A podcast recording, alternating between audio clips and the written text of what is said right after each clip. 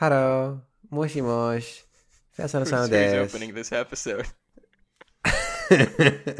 Hello?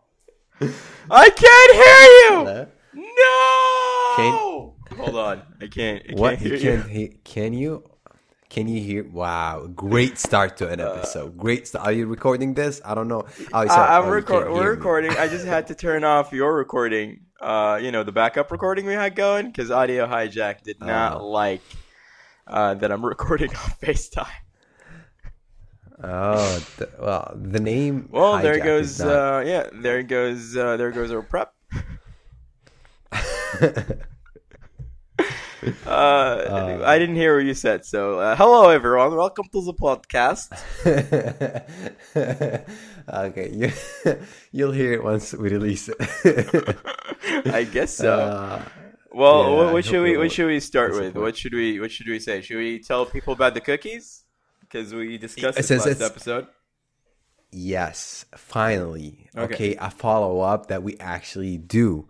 Okay, and for I don't know how however long we've been doing this podcast, the one episode we actually do a, an actual uh, follow up review, and it's food. It happened to be when nothing but Ramadan. So Yep. you're welcome. Listen. You're welcome, Huh. definitely. All right, I'm I'm gonna go for it. I'm gonna try this cookie while you while you talk about the cookie. Okay, okay. Before Oh before God, I talk so about the cookie. Oh shit! You went for it. I'm not gonna. Fucking I'm not gonna choose. Oh my god. Mm, mm, mm. Oh my god. this is uh like everyone again. I'll see. I'll see. I feel like we fulfilled a lot of fan fiction prophecies there. Oh my god, this, this is great. clip could be taken out of context, man.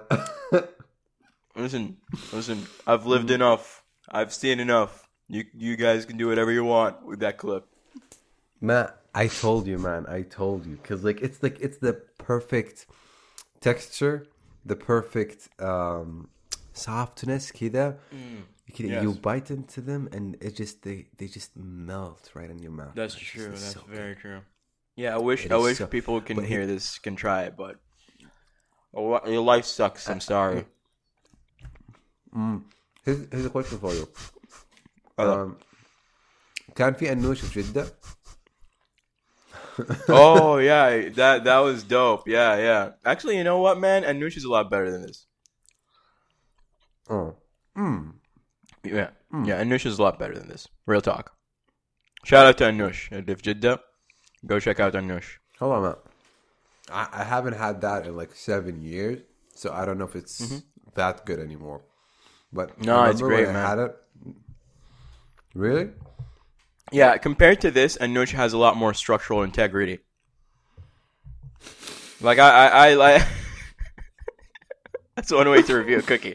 But it's like you know, I like how Exactly. soft and nice this is, but you know, I definitely appreciate the ingenuity of, of Anush's cookies.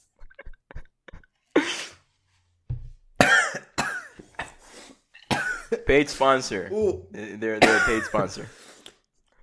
Yeah, no, we wish. Is, is the, mm-hmm. is the, which one did you get? The actual because like there are two. two I got types. I got the one that you sent me, like, the same one. Yeah. Yeah, I think I, I no think no no no. no. I got one that has like um eight pieces. Four.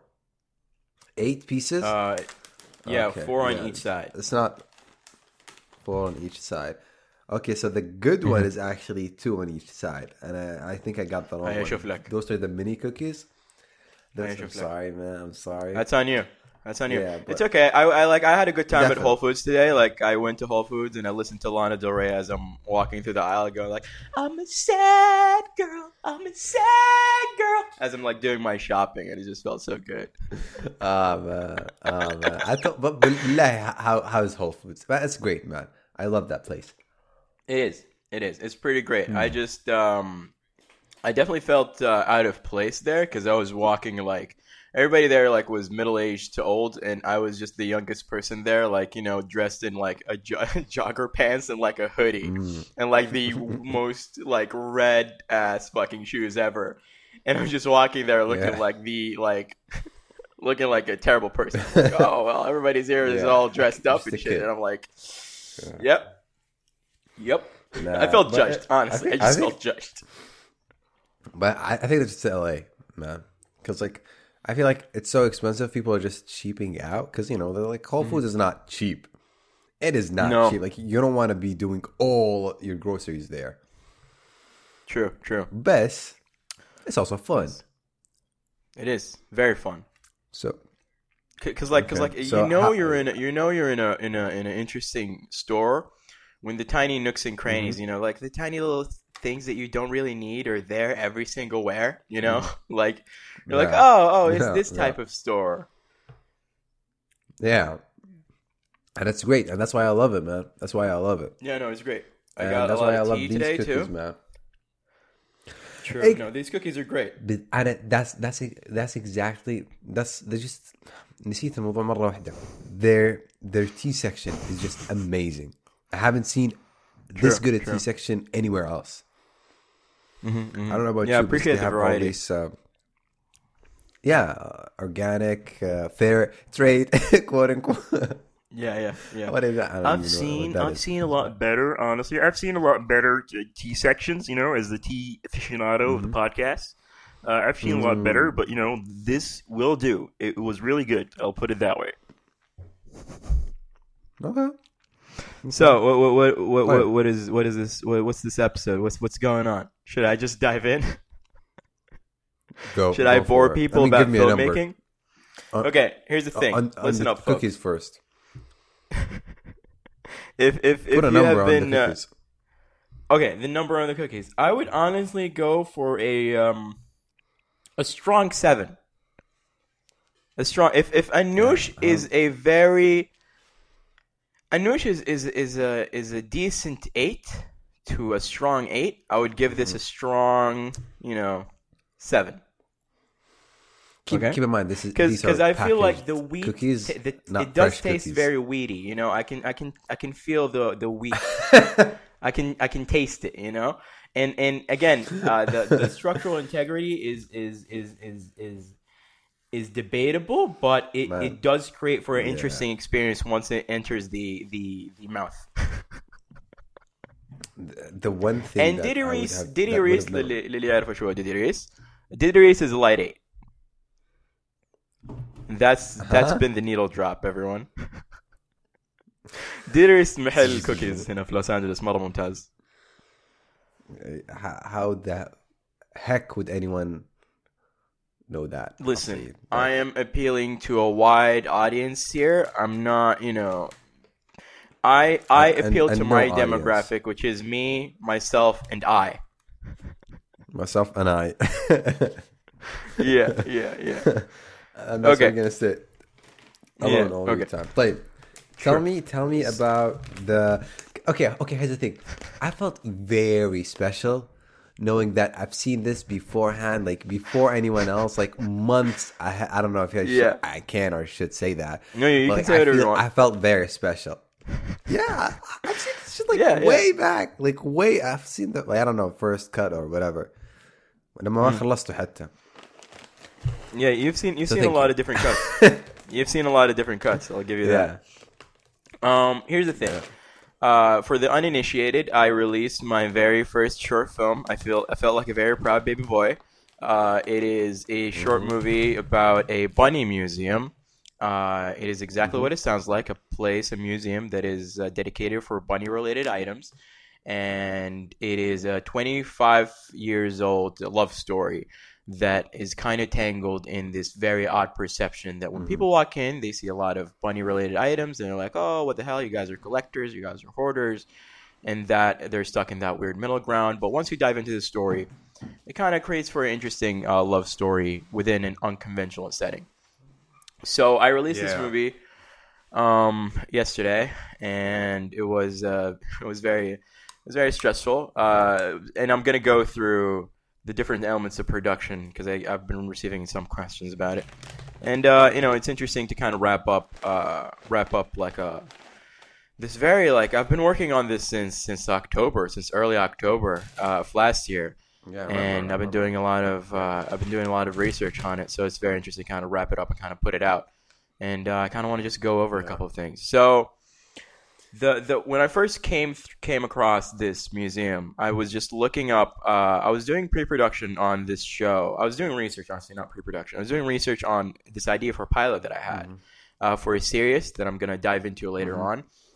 But it's like I was doing research for different like interesting locations, and this place kind of popped up, and it really piqued my interest. Like uh, uh, early October, really like piqued my interest to uh, to an interesting degree because because I kept reading all about it, and every single uh, every single article that I came across, every single newspaper article kept attacking them or like framing them in a specific way that the perception of having a very large Mhm. uh, Yeah, bunny yeah, collection was considered odd. Okay, so uh, to give a little bit of a background, Yeah. the Bunny Museum is this museum that started 25 is this collection uh, started 25 years ago uh, when um, uh, these two people were dating and.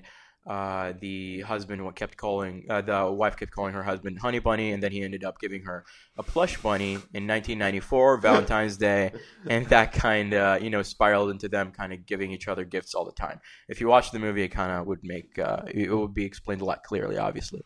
But uh, that that spiral kind of kind of evolved and evolved, and they started giving each other bunny gifts every single day. And a lot of people were like, "Hey, why don't you like you know open it up for the public?" And they did, but you know they didn't have a location, so they opened up in their house, and their house was Mhm. covered wall to wall with bunny related items because they kept gifting each other bunny items all the time. And Yeah. they had a lot of items in storage as well. So fast forward all the way to 2018, and they move into a legitimate um, gallery or space where they can, you know, have it be displayed as a museum as opposed to people coming into their house and seeing the collection and viewing it as the Bunny Museum, right? And they own, uh, Mhm. to this date, I believe they own about 35,000 uh, bunny related item, okay? So it's a very large collection. They hold the Guinness uh, uh, World Record, and they got it at the year of the bunny, uh, the calendar year of the bunny. Um, that's when they first got that record. Yeah, it's very interesting. And I, I, I came across it, and I just did a lot of research. Uh, I spent the majority of October just like reading every single thing, watching every single thing about that's been made about them, and it's very interesting how people kind of frame them as this very obsessed couple. And I found that story to be very interesting because at the time, uh, I was working on another story, and a lot of the elements from that story came to the idea of perception and how people can take things at face value and just kind of dismiss uh, the internal workings of, of, of the actual story itself. So I found that that uh, that, that idea of a bunny museum and, and framing a love story within that bunny museum would be very very fun to do. So I did a lot of research. As again, I noticed that people were using that perception. So I decided, well, might as well just go ahead and actually go for it and actually make a documentary about this. And I did the first interview. Uh, before I did the Mhm. first interview, I uh, I kind of came uh, just so people understand because it's a very small production and it's a very it was a very tight budget. Uh, yes, we did have a budget. We had to rent out uh, specific gear. We had to rent out specific lighting Yeah. and obviously the stands and everything. And um, we actually had to pay uh, the the museum itself to film there, which I felt I felt very good about because because you know when I when I talked to people and I told them that I had to pay uh, to film a documentary about that Like, place, if like I, I obviously could have twisted it in a way to say like, oh no, listen, you know, yes, it is a, a yes, I am filming a documentary about you, but this this is something that you could use. I could have pitched it that way, but uh, the idea of like Yeah. paying to film there felt good because I felt I felt like I had a lot of creative freedom, and I felt I didn't feel obligated to shape the story in a specific way that they would, you know, they would Mhm. demand Yeah, or they would feel uncomfortable if I if I if I made that interview a specific way. Okay. Yeah. so yeah. Uh, come come late November, I've done my research. I kind of went over a list of questions and uh, watched a lot of things. And uh, we went there, and I did my uh, initial interview. And because it, it was a small um, it was a small production, I basically was the documentarian or director, take your pick. And uh, I was also the DP, so I was kind of responsible about the visual language. So coming into it, I knew that I wanted to shoot it in a very static way to create um to create like some sort of I didn't I wanted people to wander into the museum and actually see it for themselves visually so they can create their own perception and then be confronted by the actual curator, right? Uh, which is why if you watch the movie, you get to hear the voice of the curator and you get to hear the voice of the uh, of the of the person running the museum, uh, and you don't actually see her until like a later point in the movie because I really wanted to make a point of like, listen, this is the museum. Let's like walk through it. Let's see the original location. And I viewed the original location using this archival footage from this public access TV show um, called Rabbit T Rabbit and Friends. I came across it online as I was doing my research, and I found just the uh, the the visual language of that that uh, that that footage was just so great that I felt it created some sort of visual consistency that I really liked, and uh, also like visually speaking, it created for some sort of division between the three different acts that you see in the actual uh, short film because uh, you can actually like pinpoint the actual like acts act breaks in the actual movies because in the actual movie and the, and the second act isn't even that large. It's just about moving to that uh, that uh, uh, moving to the new location which is considered to be the special world. Because if you uh, I'm, I'm going to dive into a little bit about story structure here so if this is confusing I'm sorry.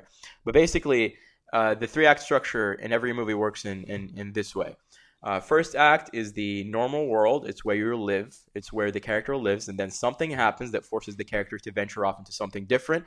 And then the second act, the majority of it happens in this thing called the special world, right? It's where the character gets exposed to a very new location or a very uh, different world that they have to face. Basically, Alice falls into Wonderland, to to or, or Luke goes into yeah.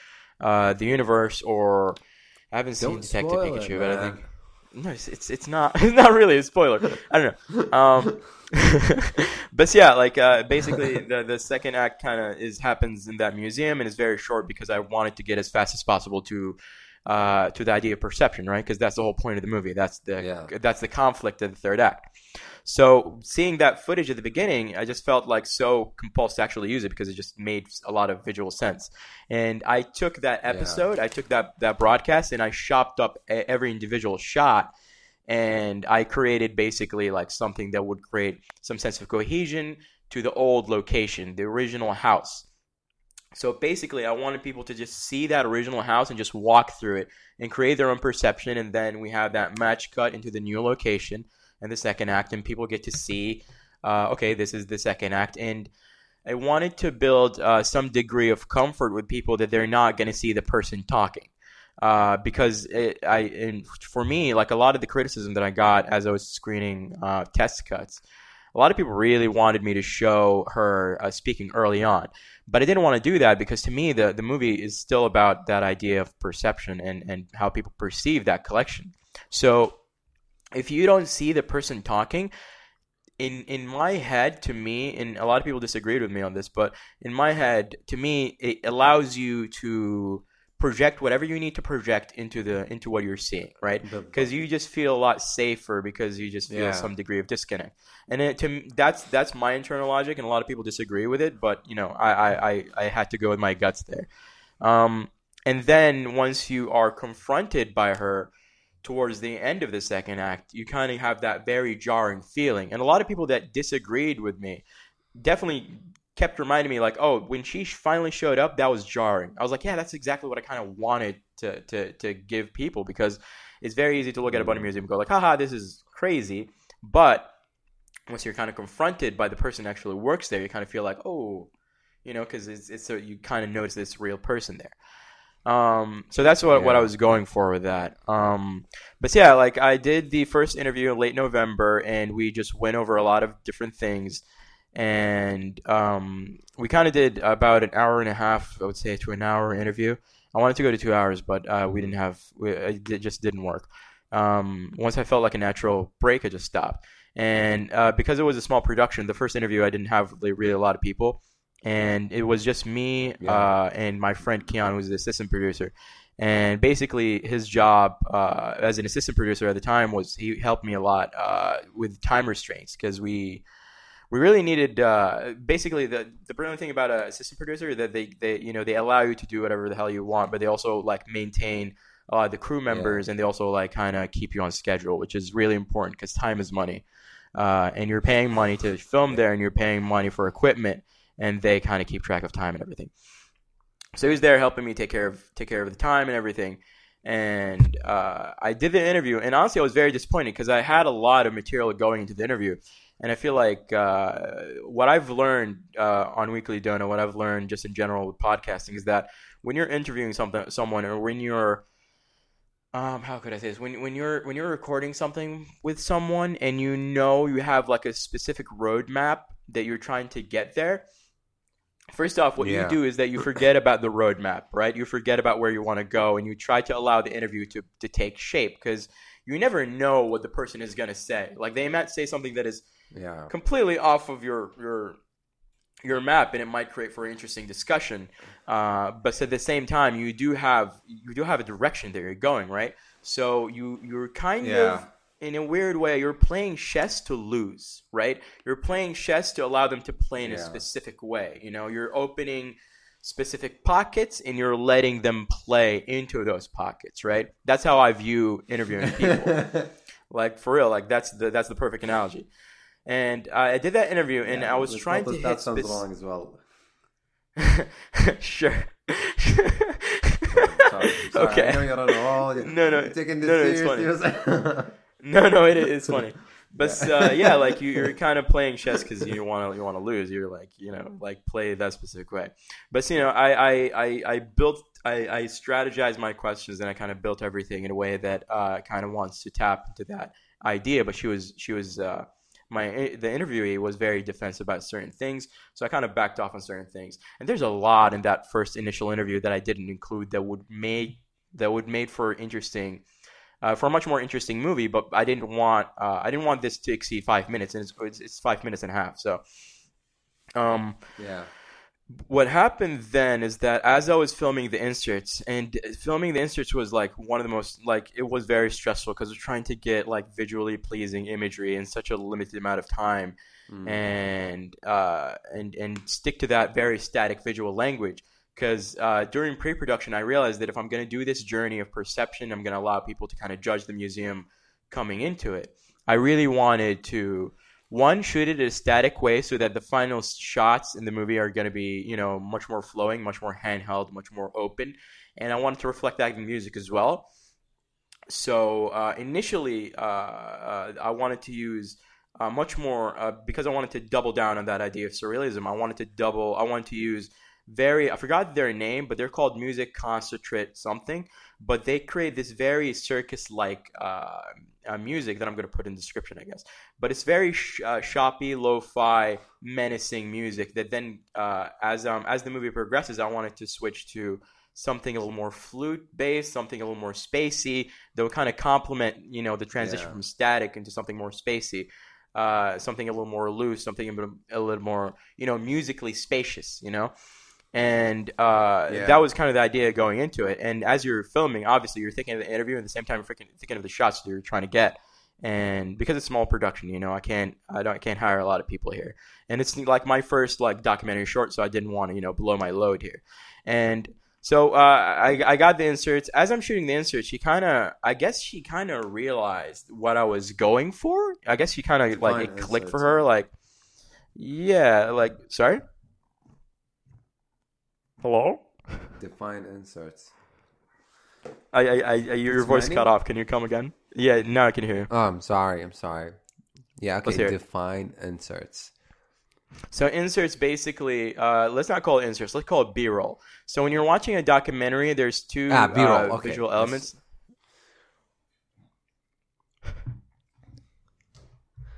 Your voice cut off again. Explain it at least for the listeners. So sorry. So Damn. so so inserts inserts basically لما تشوف فيلم بعدين تشوف الشخصية قاعدة تشرب قهوة بعدين تلاحظ إنه في كات من الوايد ليد ليد الشخصية وهي تمسك الكوب وقاعدة تشرب اليد اللي قاعدة تمسك الكوب غالبا ما هي يد الشخصية غالبا يد شخص يعني ممثل ثاني ولا شيء زي كذا uh, and that's an insert لأنه الشخصية you know ما هي موجودة في في في اللقطة نفسها. uh, لكن في documentary filmmaking الايكويفالنت للشيء هذا اسمه and basically what that is is that um, um, uh, uh, أنا بصور المقابلة وبعدين البي رول عبارة عن الأشياء الثانية اللي مثلا حركة يد الشخصية ومثلا آه الأشياء اللي الشخصية قاعدة تتكلم عنها في المكان اللي أنت قاعد تصور فيه. Yeah. أو آه أو أو مثلا آه الشخصية وهي قاعدة تسوي شيء معين. آه هذا اسمه بي رول you know. So basically uh, سويت مقابلة بعدين قعدت قعدت أصور بي رول uh, في الموقع اللي هي ال- ال- اللي اللي هي ال- المتحف نفسه. Um, بعدين وأنا قاعد أتكلم فجأة أيوة. لاحظت إنه أتوقع انها استوعبت إيش أنا قاعد أسوي. فأعطتني كمان like she started talking and she started like having like I wouldn't say defensive بس uh, فهمت أنا إيش قاعد أحاول أتكلم عنه عن البرسبشن وأنا قاعد أسأل الأسئلة هذه. آه فقعدت اتكلم وعلى طول أول ما بدأت اتكلم أنا وقفتها وضغطت ريكورد على الريكوردر اللي في يدي وقعدت أسجل ال- الصوت وهي قاعدة تتكلم. وبعدين قاعد أتكلم عن المو... ثقافة الكولكشن وثقافة الهوردنج والحاجات هذه. وأنا قاعد أصور الانسرتس حقي وأنا قاعد أصور البي رول حقي. ف I was like perfect. هذا الشيء اللي أنا كنت أبغاه من أول. ف like it was very re- re- very revealing لما uh, مو revealing very relieving لما قالت الشيء هذا. uh, المهم so I went back to the editing room uh, I started editing uh, um because uh, initially what I wanted to do is I wanted to edit like a very rough sketch and then give it to one of my editors and have him work on it. But um, I started editing and then I kind of realized uh, towards like December that I had a lot uh, I had a lot of material but I didn't have a fully flushed I don't know I didn't have a fully flushed um uh, story structure yet. And I really wanted to go back and, and shoot Okay. yeah, no, no, no. It's just that the story didn't uh, didn't round up in the way that I was hoping for it to round up. You know, there was a lot of stuff missing. I had a lot of Okay. interview, but like it, and a lot of the interview didn't make it to the movie, and it it wasn't there. So what I did Oh, was okay. is that I noticed that أغلب الحاجات اللي أنا قاعد أسويها is, is a reference to one of my favorite filmmakers اسمه Errol Morris. He's a documentary filmmaker uh, that worked on a movie called Thin Blue Line that was very influential at the time. It was one of the first movies that ever used, uh, it was one of the first documentaries that ever used like reenactments, okay? And he was, uh, he was investigating this case and he did reenactments لمشهد للقطة معينة في ال- في ال- في القضية هذه, okay? And that movie went on to, to you know, to kind not solve the case, but uh, ال- الشخص اللي انش- انسجن uh, بسبب القضية هذه uh, they reopened the case because of that movie. And then he made another movie called Fog of War that was very influential. He interviewed the Secretary of, Spa- of, uh, of Defense um, حق أمريكا uh, عن الفيتنام وور uh, um, كان كان Secretary of Defense uh, uh, في الوقت اللي كان فيه جي اف كي ونيكسون آه مو نيكسون آم، ايش اسمه بعد ما مات جي اف جي اف كي كان في جونسون اتوقع نسيت ايش اسمه اللي هو جي اف كي اساسينيشن اللي هو روبرت of Defense. It's a very very important movie in film history. آه، للناس اللي ما يعرفوا إيرل موريس هذا زي يعني لما الناس لما يتكلموا مثلا عن ستيفن سبيلبرغ كوينتين تارنتينو مارتن سكورسيزي الأسماء الكبيرة هذه اللي دائما تسمعها إنهم المؤثرين في صناعة الأفلام أيوة. آه، سيسيل دي بيميل اورسون ويلز هذا الشخص زي آه، هو ستيفن سبيلبرغ حق الأفلام الوثائقية أوكي um, he's a really big name in documentary filmmaking. He's really influential. فواحد من أول الأفلام اللي سواها اسمه اسمه Gates of Heaven. وفي في أشياء مرة شبيهة قاعدة تصير هنا. في أشياء مرة شبيهة بال بال بالفيلم اللي أنا قاعد أسويه. من ناحية إنه السيتنج مرة غريب لكن ال ال لكنه يسمح للشخصيات إنها تتكلم بطريقة معينة ويسمح للشخصيات إنها basically they ramble on but their their rambling kind of adds a lot of texture to the story that is still flowing within the vein of the story. It doesn't fall far away but they're still like kind of rambling on and it just dives into their philosophy. It's, a very he's a very interesting director in the way he interviews people. And I, I definitely used a lot of references from his stuff uh, uh, as I'm making this. So um, I, I went back in February uh, and I re- and I did another interview. This time I did uh, the same style, the same visual style that he does, because his visual style is that um, he likes to have the characters look directly into the camera and they talk into the camera. And I felt like that's perfect for this story because at the end of the day, uh, اللي أنا قاعد أحاول أسويه في البداية هو إنه um, أبغى I want people to kind of watch the movie and then judge the museum and then be confronted by the people that work there. So instead of doing, you know, instead of doing like a, a, a, a quarter like shot or something that is more typical to documentary filmmaking, I had her looking directly at the camera and we built like a teleprompter. Um, which Errol Morris has his own teleprompter system. It's called the Interrotron.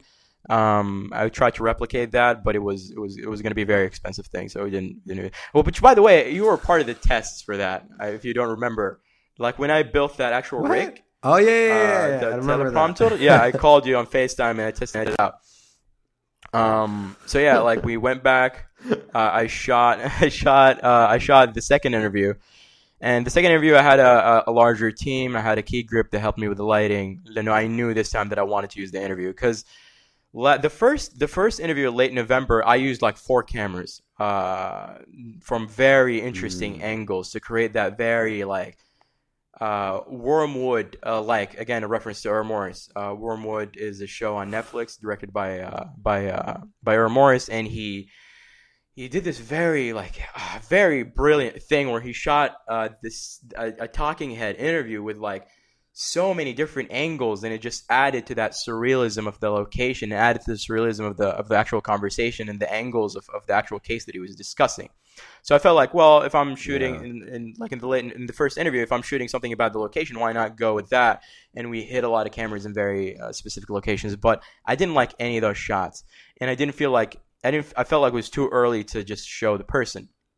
So February teleprompter, the character's looking directly at the at the thing, and I knew exactly what I wanted. So I did like just uh, a, about a forty minute interview, but I focused on one specific thing until I got the soundbite soundbite that I wanted or the thing that I wanted, and then we just rambled on. We just talked for a little bit after that, and after that it was a wrap, and we had a lot of footage and a lot of uh, a lot of interesting audio. Um, moving on to audio, like uh, basically that was the production, that was the shooting, that was the research, um, all the way from October السنة الماضية. Um, and I started editing Wow. it again, and I was aiming for release uh, on Easter of uh, of April, but that didn't work out because we had a lot of That issues would've with been- audio. Yeah, yeah, it would have Yeah. been an interesting timing, but you know, it is what it is. Um, the problem is that honestly, like we couldn't. Uh, audio is really hard, like especially on location. It is not easy. It is very, very like podcasting audio.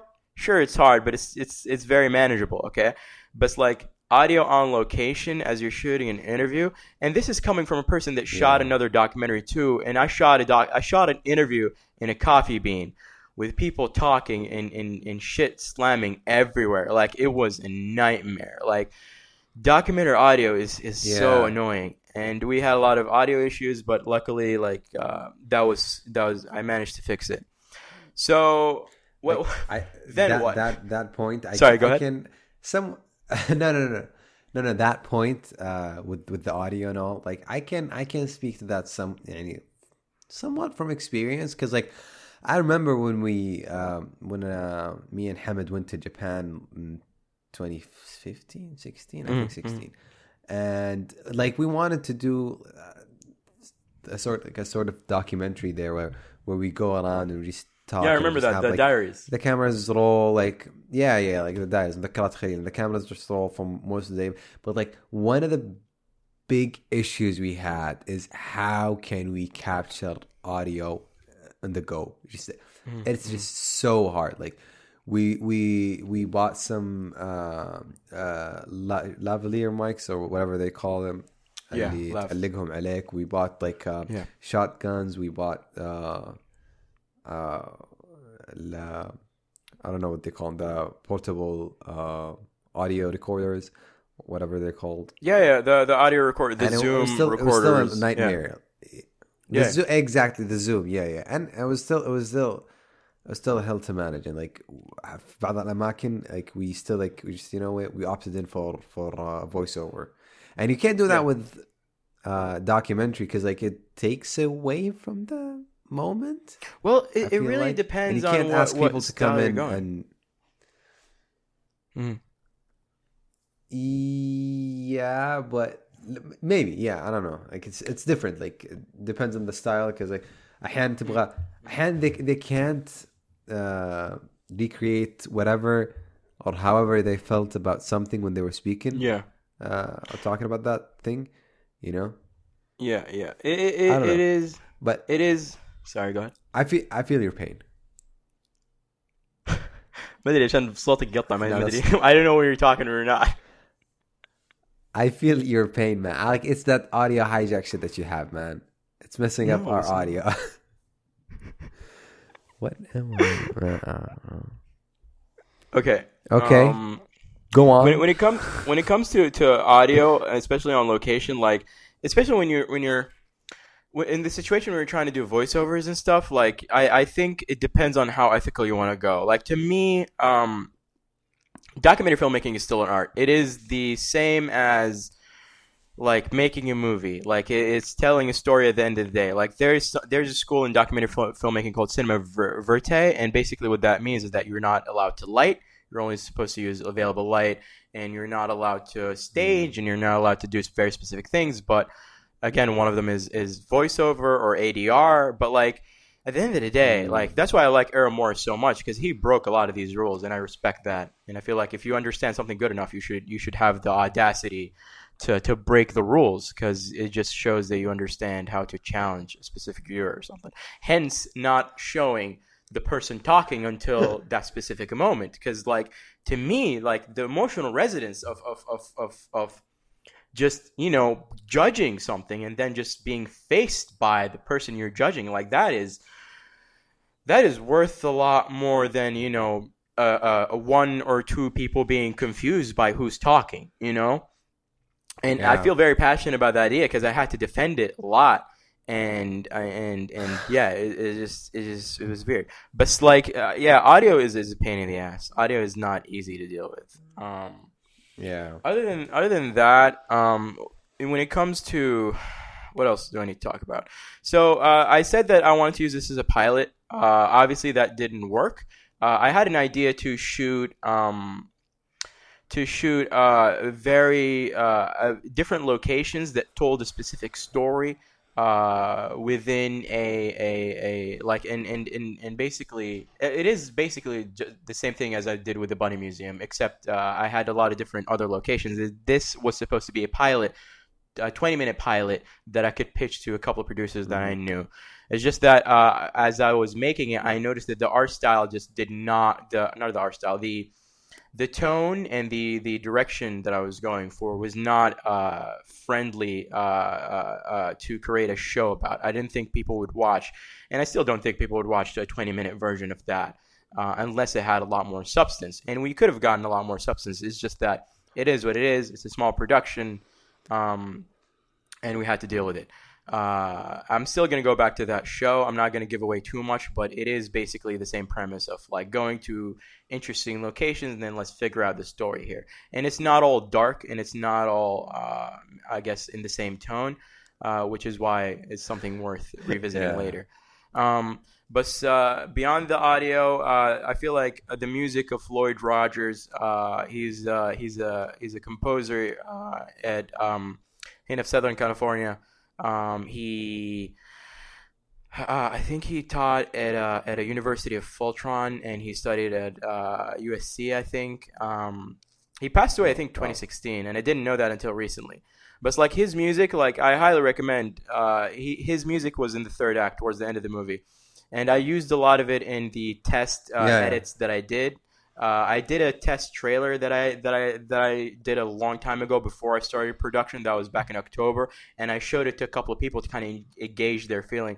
And I use I use his music there, and and his music I use a lot, and and his music I use a lot uh, as an inspiration to a lot of my writing because I feel like tonically speaking, I relate to it a lot. And um, uh, at one point, I did use a different piece of his music. It's called uh, it's it's from an album called Thirteen, and it's uh, uh, it's called the Bla- the uh, it's called Thirteen from the Black Book or something like that. And it's basically uh, a, a compositional book that he had in between uh, December uh, in between uh, 2000 and 2001 and it's very like it's it's a it's a blend of different genres. Some of it is punk rock, some of it is very menacing dark music, and I used some of that uh, in the final sequence. Uh, because I felt like it was dramatizing. Uh, it's, it's not the piece that I ended up using, but I felt like it was dramatizing the ridiculousness, the ridiculousness of everything, and the way she was expressing how she felt about people's perception Mhm. coming into the museum. But a lot of people that when I screened it and, and they heard the music, they kind of went a, a different direction. And that was very shocking to me. Like I, because I, felt like it just Yeah. added. Uh, it was me being sarcastic, just adding that very dark music, even though it kind of just went to this story and you hopefully like in one way or another you kind of related to them. Um, but then I ended up using a different piece of music. But he's someone that, like, honestly, is really inspiring to me. So, you know, it was worth mentioning. Uh, the first two pieces of music and the first act and the transition uh, is by a guy named Chris Zabriskie. And uh, a lot of the music that I'm mentioning is available on freemusicarchive.com. Uh, their website that's been been around for uh, quite some time, and they almost went down uh, back in December. But thankfully, this uh, and, and basically free, free Music Archives is just a website where a lot of musicians kind of just drop their music. A lot of free freelancers or like uh, independent musicians that aren't signed to labels put their music out there under Creative Commons. So if you're you know a content creator and you want something interesting, uh, go for it. Free Music Archive, as long as you credit the people. And if you're a writer and you're you know working a project, you need brainstorming. Like there's a lot of very interesting music on that website.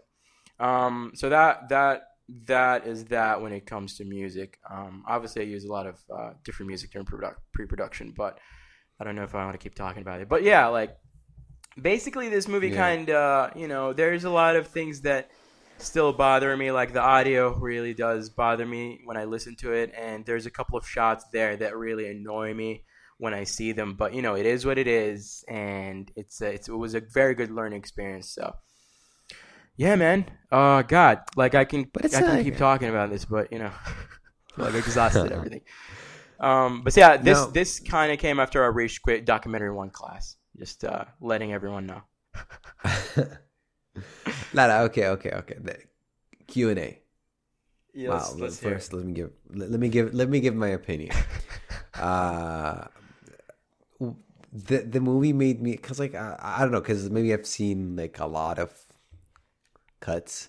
Uh, mm-hmm. Maybe the final uh, product didn't hit me as much because like I've seen what you were trying to do early on. It doesn't that didn't take mm-hmm. away much from from from the idea, but you know, I still yeah. like, I felt uneasy at at points. Oh, but mm-hmm. throughout because like mm-hmm. it, it, was weird at the beginning and i think like as you said that's something that you, you definitely were going for especially like yeah. with the music, with the uh, color palette that you used. Like like the color mm-hmm. grading was. My whole what was off. It's like it was just what is like I'm, I felt uncomfortable. It was muted. Yeah, I, I don't know. Maybe that's yeah. yeah mm-hmm. I, I, mm-hmm. think like you went for that. Yeah, uh, definitely. Yeah. Uh, so mm-hmm. there's mm. there is that. Uh, mm-hmm. The idea that you were trying to present, I think, came through very well. You Mm. know, uh, the choices that you made uh, made made the film not that easy to watch, but I think that's what you were going Yeah. for. So I think you succeeded there. Kudos. Yes, yeah. and the, and the setting the setting Uh, too like the setting too like definitely added a lot to those creative choices you know like uh, it, it, it, it, i i'm not judging them because obviously i've been there and, I, and i've experienced the place a lot clearly. But you know it, it, it is a Yeah. museum but you know it's not the it's not a high-end museum. It's a small independent uh, museum. It's big on the inside but it's a small museum and i felt like you know that translated to that. And it's it's it's again it's this very interesting duality of seeing something that is very innocent like a bunny and then within that Yeah. quantity you know that creates that that that sense of, of unease to some people and it and, and that's that's the idea that i was exploring so it, it definitely worked in my favor i feel like And okay, okay, okay. Here's one thing that I just want to say. Okay, and I want to make it clear. I think Mm-hmm. this whole bunny thing is just an inside joke, just blown out of proportion. Like they should have Yeah, stopped that's- long ago, but they just kept going at it. Yeah, no, that's that's your Uh, prerogative. I, I totally get it. I totally get it. I totally understand. but but to me, I, I like it's such a like I guess I just found so, I was so happy with the challenge that I just couldn't look away. I couldn't I couldn't look away because again, I, I at some level I do understand where people kind of look at it and go like, "Huh, this is kind of weird," but at the same time, I kind of sympathize with her, with the museum creators of like, well, you know, a lot of people collect a lot of different things and they're not viewed as odd. which is true and not true at the same time. But you know, that's not my position to say. I just made a documentary about it, and I feel like everything that I said is there. So I don't, I don't. Eh. No, no, I, I get that. I get that. Like, um, Yeah, yeah. but s- uh, like uh, it's okay. Like I, I, but I can see. The thing is, I don't view it as weird because I can see how that. I mean, they said how it started, but how that continued to be a thing for so long, and it just yeah, and he, Mhm. and uh, it was too big to stop, like too big a beast to stop at some point. Sure. you know, it just Sure. Because like as as it goes on, it just it's hard to stop. Like, it just became a thing, you know, and they continue to do it, and it's just like mm-hmm. it's not who they are, but like it definitely brought these two individuals closer together, you know. Yeah, and yeah. like when you view it from from that from that side of things, like you know, uh, obviously they, they wouldn't be doing this unless they loved each other, you know Mm-hmm. mm-hmm. And that's like that's a side that maybe not many people will fully grasp i don't know maybe i don't know Mm-hmm. maybe maybe i'm underestimating people No, Uh, it's interesting. yeah because like at least that's that's how i personally view it Mhm. but it's still weird not as weird as No, I- I get it. I get it. Like to me, I don't think it's weird. I think it's I think it's it's it's out of the ordinary. Uh, and I get why people think it's weird, but if if I didn't get why people would It's think it's weird, though. I wouldn't have made that movie. You know, I I, I understand Yeah, both perspectives here. Um, but at the same time, like again, it's it's it's that conve- you know, it's that very simple story within an unconventional setting. Like a lot of a lot of movies, a lot of things that you watch are built on irony. Okay, whether you notice it or not. Yeah. Like I was watching Seinfeld the other day, and and and George was uh, the character named George. Like he was talking to Jerry, and he was saying like I finally got a job that makes women interested in me. And the funny thing is, he only got that job because he started dating uh, this girl. So Jerry goes like, "It's very interesting. You finally found something interesting about yourself. But if you if you if you pursue other women, then you're going to lose that job. Hence, losing why the woman is interested in you. That's the irony in the episode. You see." And a lot of things are built in filmmaking. A lot of stories that you read are built on ironic things. And and once you find something that is one ironic, like a love story within a bunny museum, and then the actual name, like I like one of the things that I used to do to test out if this is a good idea or not. That once I get in an Uber and they ask me where I'm going Yeah. or what do I do, I would tell them that oh I'm working on this documentary, and they would ask me oh what is this documentary about, and I would say it's about a bunny museum, and they would immediately like have this visceral like reaction, and like once I started Yeah, noticing yeah. that on, in a lot of different people, I was like okay this is great, I have something here, because like it, when you're pitching something to anyone, you know you have to find a way to say what you need to say to kick them out of, of, of you know just you know to, to make them to grab their attention immediately. And i felt Yeah. like just the word Yeah. just the just the sentence bunny museum bam like people were immediately like drawn to that. They're like what the hell are you talking about? And i felt like all right this is great. I have something here. Let's let's go ahead. Um yeah like what, kind of questions No, do you have And I, I like that. I think that there there there's definitely uh, there are definitely more areas to explore. I mean, depending on how I don't know how wide you want to make this or how how far you actually you want to go. Uh, and I أعتقد أعتقد this is a very good exercise to explore different I'm not gonna ما هو ما هو I'm not gonna say genres but maybe art styles Mm-hmm.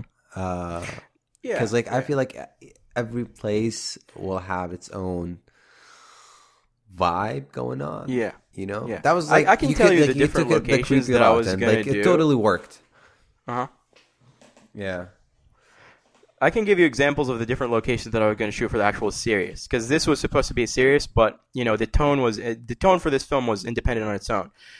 Uh, I can tell you this off podcast because it's very different. It's not as you know, it's not as dark. I would say, even though I don't think this is a dark movie, but um, it, it is does imply that that unease, uh, if I may.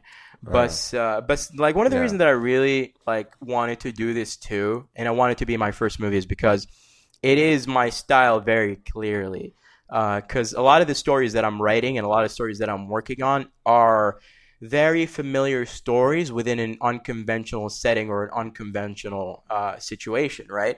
And I felt like, all right, Yeah. this is perfect because this is, you know, we all know that love story about a couple that do something that is quirky and it kind of evolves into something that is out of hand, but is special to them.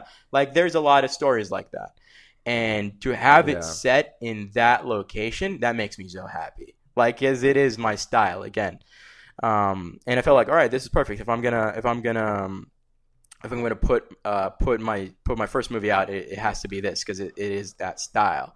It is that thing. It is that, uh, that that that finding humanity uh, or finding something that is humanizing within uh, something that is out of the ordinary, if I may. Uh, so I was so happy with that. Man, good job. Yeah, yeah I'm, I'm very like I honestly when I put it out, I was very I was having like a, a lot of anxiety. So I was like, oh my god, people can see me now. people know. Like because I, I like to me it's very hard to watch it and not see the things that really stand out that people really don't notice. And it's just like ah you know like that weird Yeah. uncomfortable feeling. But it's like you know like you can't live like this. No i remember like in high school i shot uh, i shot a movie and um, i remember i didn't want to put it out anywhere but it's like looking back now because i hated a lot of it uh, but looking back now there's a lot of elements in it that that kind of showed um, an understanding of structure uh, at a very basic level. But you know, it's something that Mm. I would have loved to now to look back at and go like, oh well, look at this. You know, you kind of went from this to that.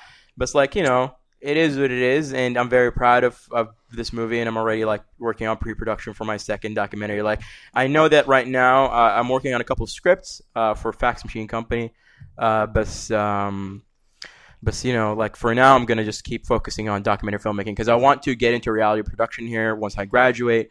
Um, so yeah, like I'm gonna keep uh, keep going at documentary. So keep your keep your eyes and ears open, and go follow the Fax Machine Company. we definitely, definitely. Mm-hmm. Mm-hmm. Well, I guess. Uh, well, what, what do we have now? What do we What do we do? Uh, I guess we tell people to go watch that. Leave. Co- I mean, Yeah, how you- how, how uh, did you get any feedback? How how was everyone's? Honestly, everyone was just so kind. Like uh, when I put it out, everybody was like so kind. Like they were they were being nice. Oh and my everybody just God. were blown away. And it was very nice. Like a lot of people like kind of came out of the woodworks and like, "Yeah, good job." And a lot of people like I didn't expect to watch it kind of ended up watching it, and they were very uh, Yeah. very kind uh, in their words about it, and I really appreciated that. But as I was doing the test screenings and stuff like that, I sent it out to a lot of different people. Like you were you were def- you got that stuff early on, but like I'm talking about like testing Yeah. testing, um, test the Yeah. test screenings were brutal because like some of them like some of them like did not get it did not no, i'm not i hate saying did not Yeah. get it but they just did not give it a chance because it was just so odd. Or sometimes you got like that's one of the things that are very difficult about like creating something that you're passionate about. Because again like i've been working on this since october and it's very hard when people kind of just watch it and they just like judge it at face value. I felt like it's funny because i felt like i was going through the same things that the characters were going through and that was brilliant because it, it, it, it just made me feel more strongly about some of the creative decisions that I was making, and, and it just like push put me on such like a lot of pressure to perform really well, which I like that. But Yeah. a lot of people just took it at face value, and that kind of sucked. But uh, slowly and surely, they kind of got into it, and I like that idea of like again defending specific ideas or specific concepts, even though they're not traditional within the medium or they're not encouraged uh, to do it because they might confuse the viewer and just having you know the backbone i guess to kind of stand by your ideas and, and take your ground but at the same time that idea i feel like one of my biggest takeaways is that because i said that there's a lot of interesting things that i kind of left out Uh, there's this thing in screenwriting that I always hear uh, from a lot of uh, like uh, renowned screenwriters. They would say, "Kill your babies." Which basically means the things that you love the most about that script, like really look at them and see if they're worth to be there, you know. And you know, there's a lot of Yeah. interesting points that I could have included that would have made it a much more interesting film, but they didn't belong there and they didn't add context to, you know, they added a lot of fluff, which is really cool fluff, but it didn't add to the story, it didn't Yeah. progress what was going on. And that was that was one of my takeaways. Also, like hiring an audio guy. Yeah, yeah. It doesn't add to the it doesn't add to the direction because think about it. Like storytelling needs to be concise. Everything that is said, every line that is uttered needs to have a reasoning. It needs to be there for a reason. Like there's this one specific shot. Like the reason I introduced, uh, speaking of Morse, the reason I had that shot of Night of the Lepus, which is a movie from the 70s. The reason that I had that shot is because I wanted to preface the shot of like when she's talking about uh, a lot of people when they show up they see everything at once. And then when she says everything at once the kind of the car lights kind of turn on right? When that happened um, i really loved that because then i made a callback to that to an, another shot in that movie where there's a lot of cars like looking directly at the camera with their headlights and then it cuts to the introduction of the curator. And it's it's it's just perfect. Like that's that's the type of that you see those little tiny things this those are the things that kind of keep me going in projects like these because it really forces you to like craft something that is concise and says what it needs to says say visually um, and that Yeah. that was that was a brilliant learning experience too um, but there's a lot of other little things there other than the match cut uh, uh, that that you know took a lot of took a lot of uh, thought took a lot of uh, defending took a lot of uh, uh, crafting and stuff like that. Um, but now that it's out it's very funny because now that it's out i kind of look at it and it's you know I've I've since October like I've had a lot of things happen and I've had I've been through a lot of things. So kind of very interesting to kind of see it's very interesting to see it out. It's very interesting to kind of just have that disconnect of like all right there's nothing else I could do. And it's it's a proud moment but at the same time I just feel like you know now that I look at it it's like I'm seeing weirdly enough, it's like I'm seeing Aseil في ذاك في ذيك الفترة you know uh, in those couple of months just you know just trying yeah. to reach for something. And it's it's it's it's a proud moment but at the same time it's just it just I feel it in my stomach. Like I'm getting emotional right now thinking about it but yeah. um yeah man it, it, it's it's very interesting. Fax Machine Company go check it out. What uh, t- tell me what about that. What what is that? Because like I saw, So- I don't know if you wanna, you wanna so the talk fax about it or company yeah the fax machine company I, I had a couple of names for my production company that I wanted to do. It's it's it's my it's a production company. Let's put it that way. Uh, I wanted a couple of names for my production company. I didn't want to name something boring. I didn't want to name it all City Productions or some crap like that. I didn't want you know. Yeah. I wanted to to show something kind of represents uh, my tone and my style. And the logo does play part of it, uh, but obviously I don't have money to hire because it's a very detailed logo, and I have the concept art. Like I, I had the concept art. Elements of the concept art has been in circulation since God 2015, I think. Um, but then I kind of blended it in once I got a clear, concise idea for like the kind of things that I wanted to make. And the name came from two things. Uh, one, uh, J.J. Abrams, the director of Lost and the first uh, Star Wars movies, uh, The Force Awakens and uh, Yeah. Cloverfield. He he owns this company called Bad Robot and. Bad Robot is stationed. Uh, their HQ uh, is stationed at uh, a building called the Typewriter Company, the National Typewriter Company, and so it's a slight, it's a subtle fuck you to J.J. Abrams. That's number one. Two, uh, when people, I, I think we talked this a couple episodes ago, where people ask me like, "Oh, what do you do?" And I hate saying a filmmaker. So I thought it would be really funny if when people ask me where what, where do I work, I would say at the fax machine company. and then and then that kind of evolved into that theory. Uh, there's this famous theory about you know if you put an infinite amount of monkeys in front of an infinite amount of typewriters, eventually they'll uh, they'll write a Shakespeare play uh, because that's how infinity works. Um, I, and I and I just translated it into like if you put an infinite like it's a room with an infinite amount of monkeys just waiting for Shakespeare to fax back, and that's the description of the company. I saw that. I saw that. Yeah, yeah, yeah. Uh, fax Also, I watched uh, a show. I watched a very old documentary from I think the fifties uh, called. Uh, it's about the National Cash Register Company, and that really inspired me to name to double down on the name too. But yeah, the fax machine company. That's my thing. That's my that's my next thing. شركة جهاز الفاكس. I don't think that's how you translate it, but I'll give you that. But it's funny. Like I, I, I definitely thought about it. Like, is It, that it the is right funny. way to It do is. It is like funny to name something شركة جهاز الفاكس. شركة جهاز I mean جهاز الف... I mean, we wouldn't say جهاز الفاكس but يا جهاز الفاكس كلمة غريبة. Like شركة الفاكس ممكن تزبط لكن شركة جهاز الفاكس is like كأنك قاعد تتكلم عن واحد من من عارف من الثمانينات. شركة جهاز الفاكس المحدودة. محدودة. Okay. Yeah, yeah. company جهاز الفاكس. Don't think I don't think ما ما أدري إيش اللي غلط بس في حاجة غلط. أيوه في حاجة غلط هذا اللي عاجبني أنا برضو يعني لما جيت كتبتها بالعربي كده حسيت انه أوه في شيء غلط هنا عارف؟ I was like yes. Yeah. Um, yeah, yeah. في حاجة غلط. I'm going with it. yeah, yeah. It feels, it feels, it feels interesting. It feels, uh, it tickles my, it tickles my fancy.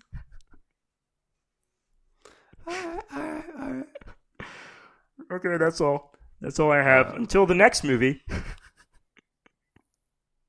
When is that? I don't know, man. I'm gonna start uh, pre-production on it very soon. I'm uh, contacting a couple of audio guys, and I know I have two different subjects. I have a documentary that I've been working on for quite some time. It's about m- magic and magicians, but uh, I don't like. To me, I'm not ready to tackle that subject yet. Um, I have another thing that I've been dying to shoot since 2017, and uh, I think I think it Yeah. should be the next thing because it's been long overdue. And um, yeah, I feel like I'm ready to tackle that subject, but I'm not gonna give it away yet. We'll see. Initial Okay, okay, interviews. That's good. That's good. That's good. the initial interviews are going to happen most likely uh, at uh, this weekend or the next weekend. Um, but you know, Oh, I'm, I'm like, I don't know. You're We'll see. We'll see. Yeah, yeah, because Okay. Well, documentaries well, are, are fun. Yeah. Man, I wish you all the best. Like I, I really do. I don't know uh well how your industry works. Like Mm-hmm, mm-hmm. is this your I don't know. Like this is how Yeah, you this is definitely- uh, but Yeah, this is my venture. Yeah, okay. it's scary, man. Well, It's scary. Also, one more thing. One more thing. need- Special thanks to uh, Rayan. Uh, I mean Ah. Garu.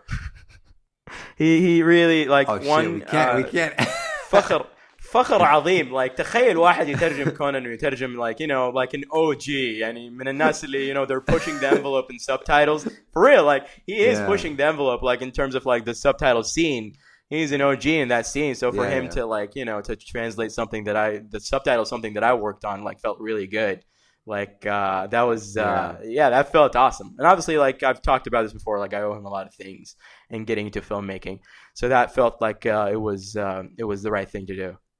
Yeah, في ترجمة عربية للناس اللي يكرهوني.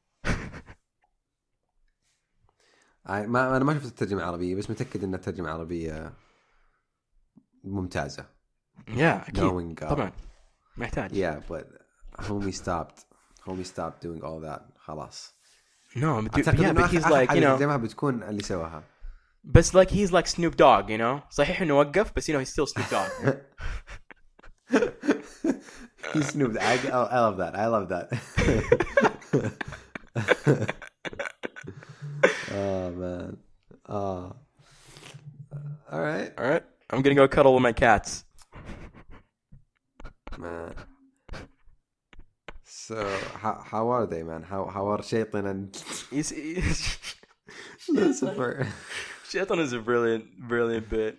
They're they're lovely. They're being brilliant. Um, Lucifer does this thing that really annoys me, where if I don't give her attention, she starts meows late at night.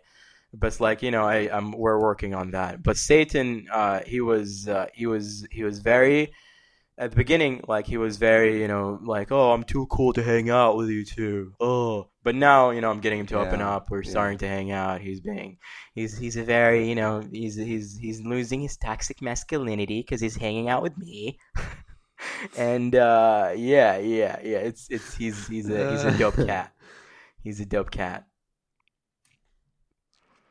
يسلموا عليكم loving it loving it الله يسلمهم يا حبيبي Uh, okay I guess till I mean uh, till next week is that like Yeah, are we doing yeah, no, this definitely week? next I mean, week I don't راح know, there's نسوي so many رامي questions about this 100%. podcast that I haven't answered yeah right okay yeah yeah رامي مع الايربودز yeah yeah yeah yeah definitely all right okay bon voyage bye bye